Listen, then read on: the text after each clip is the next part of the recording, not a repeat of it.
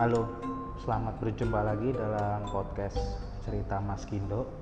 Setelah sekian lama tidak berjumpa, maka kita kembali berjumpa dalam satu edisi spesial di bulan ini yang mengambil tema tentang menjadi seorang driver atau supir. Bagaimana maksudnya? Kok bisa kita diminta untuk menjadi seorang driver atau menjadi seorang supir? Apakah itu menjadi sebuah cita-cita ataukah itu menjadi sebuah hal yang harus kita tuju? Nah, maka dalam podcast kali ini saya akan mencoba berbagi refleksi mengenai tema tersebut dan tema atau refleksi ini saya ambil juga dari ulasan mengenai tema yang sama yang diulas oleh Profesor Renald Kasali. Mari kita mulai. Menjadi seorang driver atau supir. Tentu kita tahu bahwa seorang driver atau supir tugasnya adalah mengendarai mobil atau mungkin motor atau mungkin trans alat transportasi yang lain ke satu tujuan tertentu. Nah, menjadi seorang supir atau driver ini harus kita sadari bukan sebagai sebuah cita-cita saja. Bukan kita persempit menjadi sebuah, wah kalau gitu saya harus jadi sopir supir bis, supir truk, mungkin supir pesawat atau pilot, atau mungkin supir kapal laut atau nakoda. Bukan, bukan kita persempit dalam arti itu.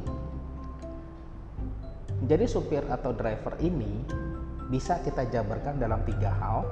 Yang pertama adalah bagaimana mendrive diri sendiri atau drive yourself. Bagaimana kita mendrive orang lain sesama kita atau orang-orang yang menjadi rekan kerja kita dan juga bagaimana kita bisa akhirnya mendrive suatu komunitas atau bangsa dalam konteks yang lebih luas. Drive your nation. Jadi driver itu apa? Yang dimaksud dengan driver adalah sebuah sikap hidup yang membedakan dirinya dengan passenger atau penumpang. Kalau kita menjadi seorang penumpang maka kita tinggal memilih kita duduk manis kemudian kita duduk di belakang atau mungkin kita duduk di tengah atau mungkin kita duduk di depan. Dan atau mungkin kita bisa mengambil risiko menjadi sebagai driver yang duduk di depan mengendarai. Kalau kita duduk di belakang maka kita boleh duduk sambil ngobrol mungkin makan-makan mungkin sambil gibah bercanda bahkan bisa tidur juga anda tidak perlu atau kita nggak perlu tahu jalan, nggak perlu memikirkan lalu lintasnya gimana, bahkan nggak perlu merawat kendaraan. Itu kalau kita memilih sikap hidup sebagai seorang penumpang atau passenger. Nah, driver ini menentukan arah. Bagaimana kita membawa penumpang-penumpang ke tempat tujuan dan mengambil resiko. Nah, itu yang dimaksud sebagai sikap mental seorang driver atau supir. Menjadi supir sendiri belum tentu memiliki kapasitas mental seorang driver banyak supir atau driver yang bekerja mengeluh dan akhirnya jenuh karena nggak punya pilihan. Mentalitas driver adalah sebuah kesadaran yang dibentuk oleh pengalaman dan pendidikan, bukan karena tidak punya pilihan. Pendidikan yang dimaksud tentu saja adalah proses belajar, yaitu bagaimana seseorang memperbaiki cara berpikirnya. Nah, banyak orang atau mungkin kita melihat kenyataan mereka-mereka yang kuliah dan menjadi sarjana, tetapi mereka tidak belajar dan mungkin ini yang kita alami. Kita di tingkat SMA, mungkin kita hanya belajar tetapi tidak belajar dalam arti yang sesungguhnya. Karena yang kita jadikan patokan dalam belajar, konsep kita belajar adalah menghafal. Padahal menghafal bukanlah berpikir. Sementara belajar artinya adalah berpikir. Paham bedanya? Saya ulang sekali lagi. Menghafal bukanlah berpikir, Sedangkan belajar artinya adalah berpikir. Seorang driver adalah orang yang berpikir, sedangkan penumpang adalah orang yang tidak perlu berpikir sepanjang perjalanan. Kalau driver memikirkan bagaimana mencapai tujuan tepat waktu, selamat, kemudian bagaimana perjalanan menyenangkan, menghindari kemacetan, itu seorang driver akan berpikir demikian. Nah, bagaimana kalau kita bisa berpikir kalau kita tidak berani ambil resiko. Kita tahu berita-berita atau mungkin kejadian-kejadian peristiwa kecelakaan yang melibatkan beberapa kendaraan ya mungkin kalau ada yang meninggal ya kita turut berduka cita untuk mereka yang meninggal karena korban kecelakaan tapi pernahkah kita mendengar ada penumpang mobil ditangkap karena mobilnya menabrak orang sampai tewas yang pasti kita baca adalah supirnya atau drivernya yang ditangkap. Nah ini menunjukkan bahwa menjadi driver mengekspos diri terhadap risiko. Sehingga dari jutaan orang yang mengemudi, ternyata hanya kurang dari 0,1% yang menabrak dan menimbulkan kecelakaan fatal. Dari sedikit persen itu, yang terbesar disebabkan oleh alkohol dan mengantuk. Nah mungkin kalau di Indonesia kasusnya bisa beda lagi banyak orang yang kecelakaan atau mungkin akhirnya menjadi tersangka karena kasus kecelakaan tentu ada banyak faktor. Tapi kita bisa melihat bahwa tanggung jawab seorang driver karena dia adalah mengambil resiko meskipun akhirnya ya mohon maaf dia harus mengalami kejadian kecelakaan tersebut. Nah kita lihat dari driver atau sopir tersebut. Kalau sopir menghafal dan dia kecenderungannya hanya menghafal jalan yang itu-itu saja, kecenderungannya untuk mengikuti jalan yang sama setiap setiap harinya itu tentu saja memiliki kelemahan. Sehingga menghafal bukanlah cara berpikir yang baik. Menghafal itu bukan cara belajar yang baik, bukan cara belajar yang tepat. Sekali jalan dan dirasakan pas, kita kembali pada contoh sopir tersebut. Sopir atau driver yang menghafal akan melewati jalan yang sama Lama-lama dia merasa nyaman dan takut mengambil jalan lain. Nah, jalan yang sama mengalami perubahan. Di jalan yang dilewati kini dibangun ada mungkin tempat makan, mungkin dibangun pusat perkantoran, di sebelahnya ada klinik, di sebelahnya lagi ada pusat perbelanjaan. Beberapa meter dari situ ada pangkalan ojek online, kemudian ada juga pedagang kaki lima, mungkin dibangun taman kota dan sebagainya. Ketika jalan yang kita lewati berubah, pikiran manusia yang menghafal tidak berubah, hafalannya tetap sama. Nah, ini yang membuat membuat bagaimana menghafal itu bukanlah cara yang tepat dalam belajar. Tapi terkadang kita menjadikan hafalan sebagai sebuah cara yang diunggulkan. Tidak salah, tidak ada larangan bahwa seorang supir atau driver harus mengambil jalan yang sama setiap hari tidak dilarang dalam undang-undang kita. Dalam agama pun juga tidak dilarang tapi kita lihat adalah dampaknya. Ini ya makanya kelemahan yang tadi saya sampaikan di awal. Saya sendiri kalau misalnya bepergian dari rumah ke sekolah saya selalu melewati jalan yang berbeda. Kalau saya berangkat kerja saya lewat jalan yang melintasi Sumarekon kemudian lewat flyover Sumarekon kemudian lewat uh, apa namanya Mall Metropolitan lurus terus lewat jalan Rawa Panjang, flyover Rawa Panjang, kemudian jalan Raya Narogong sampai di sekolah. Tapi kalau pulang, saya tidak lewat jalan yang sama. Saya lewat jalan Pekayon. Saya keluar dari sekolah, kemudian saya mengambil jalan masuk dalam komplek Kemang Pratama, lalu melintasi jalan Pekayon. Dari Pekayon kemudian saya lewat Mall Metropolitan lagi, tapi saya tidak lewat Sumarekon saya langsung belok kiri ke arah Jalan Raya Sultan Agung. Kemudian saya akhirnya bisa memilih apakah saya mau lewat Harapan Indah atau saya mau lewat Jalan Raya Pejuang. Itu adalah cara yang saya tempuh sehingga saya bisa tahu perubahan-perubahan dan saya tidak terus-menerus melewati jalan yang sama. Sehingga kalau kita kembali kepada contoh sopir atau driver tadi, apa yang dilakukan sopir yang menghafal jalan yang sama?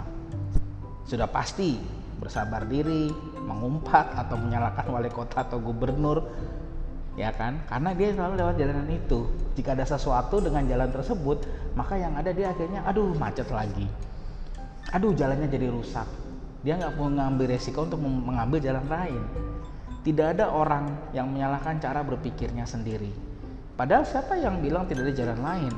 Padahal kalau misalnya jalan tersebut tidak bisa dilewati, kan bisa memutar lewat jalan lain.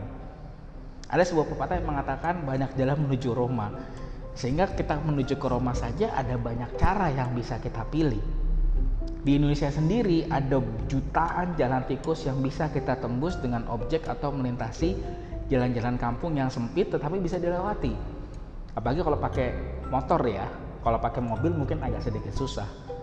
Mungkin kalau zaman sekarang terbantu dengan adanya Google Maps atau mungkin Waze, aplikasi-aplikasi yang menunjukkan jalan, betul, tetapi tentu saja kita harus melihat dan kita harus memahami bahwa kita harus mengambil resiko. Meskipun teknologi tidak bisa selalu kita andalkan. Sehingga pilihannya ada banyak tetapi memulainya tidak mudah. Pada saat kita mengambil jalan yang berbeda, kita diamkan pada ini jalan yang benar nggak? Kita memulai untuk mengambil jalan memutar. Ini benar nggak lewat sini? ini benar nggak caranya begini itu menjadi satu yang tidak mudah. Dan mungkin saja kita menemukan kesulitan bahwa jalan-jalan baru itu memusingkan. Mungkin kita harus putar balik karena ternyata jalan buntu. Wah salah ini jalannya. Wah ini nggak bisa dilewati ternyata. Ternyata nggak bisa dilewati motor. Itu hanya sebuah gang kecil yang membuat kita tidak bisa melintas dengan leluasa. Sehingga orang yang enggan mencobanya menyebut itu sebagai ah udahlah selesai. Jalan buntu, jalan mati, nggak bisa dilewati. Padahal jalan buntu bagi seorang driver adalah sebuah detour atau perputaran. Karena mau nggak mau kalau kita menemukan jalan buntu kita harus memutar. Masa iya kita harus menerjang jalan buntu? Kita lempar motor kita untuk melintasi jalan buntu lalu kita memanjat sehingga kita bisa berpindah. Kan nggak mungkin. Tidak juga seperti dalam film-film kartun atau film animasi di mana kita punya kekuatan kita melompati jalan buntu tersebut, kita berpindah. Tidak memang tidak enak tapi lama-lama kita merasakan manfaatnya. Kita menjadi tahu.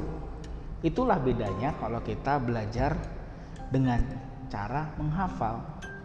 Kita hanya tahu itu saja tapi dengan cara yang lain bukan dengan cara menghafal kita akhirnya jadi tahu. Ada banyak cara ada banyak hal yang bisa kita eksplorasi. Sehingga pertanyaan berikutnya adalah mengapa manusia atau mungkin sebagian dari kita yang memang bisa belajar mengenyam pendidikan tidak melakukan hal yang seperti itu.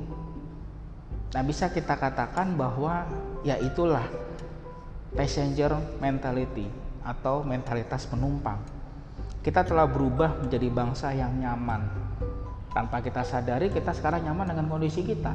Dengan HP yang mencukupi, dengan kuota yang melimpah, menggunakan akses WiFi gratis, ini kan akhirnya kita menjadi nyaman. Kita nggak mau keluar. Kita hanya mengandalkan oh dari Google ada. Oh dari Google ada. Semuanya kita hanya mengandalkan itu. Ya itulah mentalitas penumpang. Kita nggak pernah tahu. Kita nggak pernah mau tahu kenapa bisa ada itu.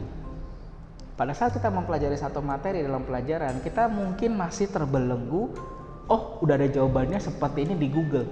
Tinggal kita screenshot lalu kita jawab, lalu kita pindahkan ke file kerjaan kita, lalu kita kirimkan. Sesederhana itu, tapi itu tidak membuat kita menjadi berpikir sebagai seorang driver atau sopir. Kita nggak mencari caranya, kenapa bisa ada jawaban itu?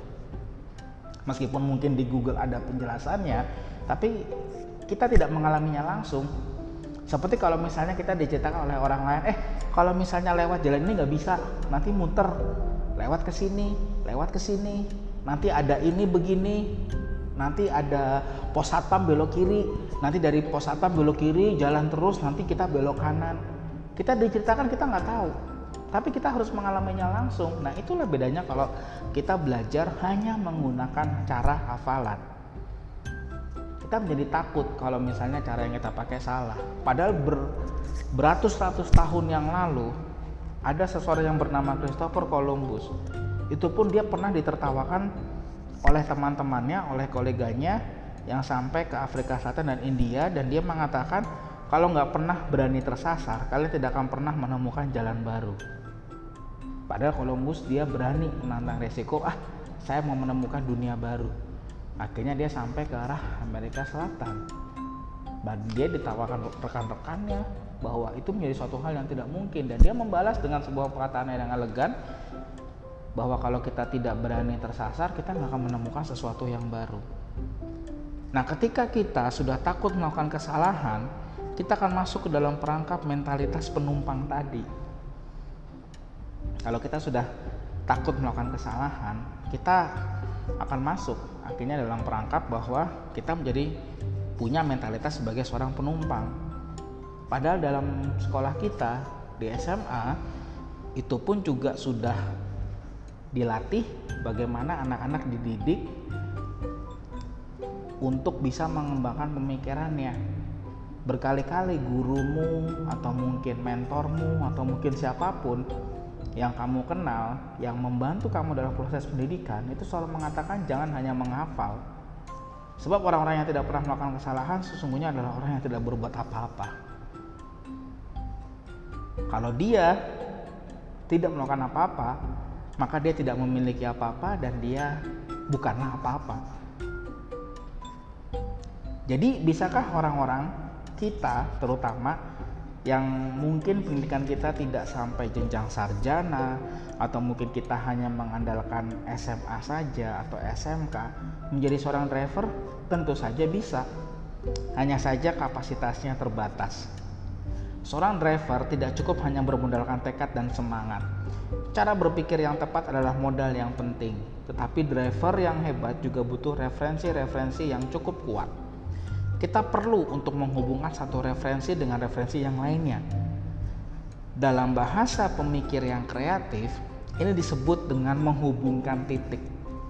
Jadi kita mengambil banyak ilmu, kita mengambil banyak materi, tidak untuk kita pelajari satu materi dan mungkin kita tidak bertanya buat apa sih saya pelajari materi ini, nggak ada gunanya, buat apa? Tetapi kita menghubungkan titik-titiknya apa sih materi itu yang diajarkan? Oh, dalam materi ini kita diajarkan tentang menggunakan logika. Dalam materi ini kita diajarkan untuk menemukan korelasinya dengan kehidupan. Nah, itu yang harus kita lakukan sebagai seorang pembelajar. Kalau kita mau menumbuhkan mentalitas sebagai seorang driver, maka kita harus memperbaiki cara berpikir kita.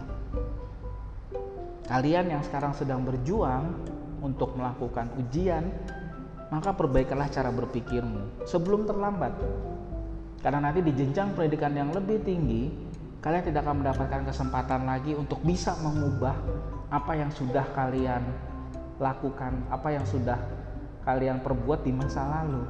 Sekali kalian sudah melakukan sesuatu yang keliru dan tidak kalian perbaiki, maka itu hasilnya bisa menjadi sebuah kesalahan dalam hidupmu.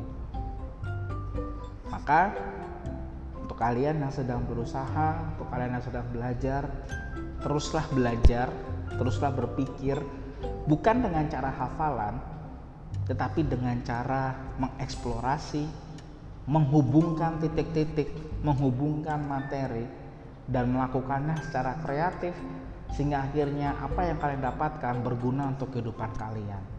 Mungkin sekarang tidak terlalu terasa tapi nanti di masa yang akan datang itu kalian akan merasakannya menjadi seorang driver atau menjadi seorang supir adalah sebuah mentalitas yang baik di mana kita tidak hanya menekankan proses hafalan tapi kita benar-benar mengeksplorasi. Kita menggunakan cara berpikir kita. Kalau kita terhambat pada satu jalan yang keliru atau buntu atau rusak kita akan memutar. Kita akan mencari cara lain kita akan mencari jalan lain. Dan kita melakukannya bukan dengan hafalan tapi dengan cara berpikir kreatif selamat berjuang selamat berusaha untuk menjadi lebih baik lagi kita jumpa lagi di episode yang berikutnya. Deus Profit Debit.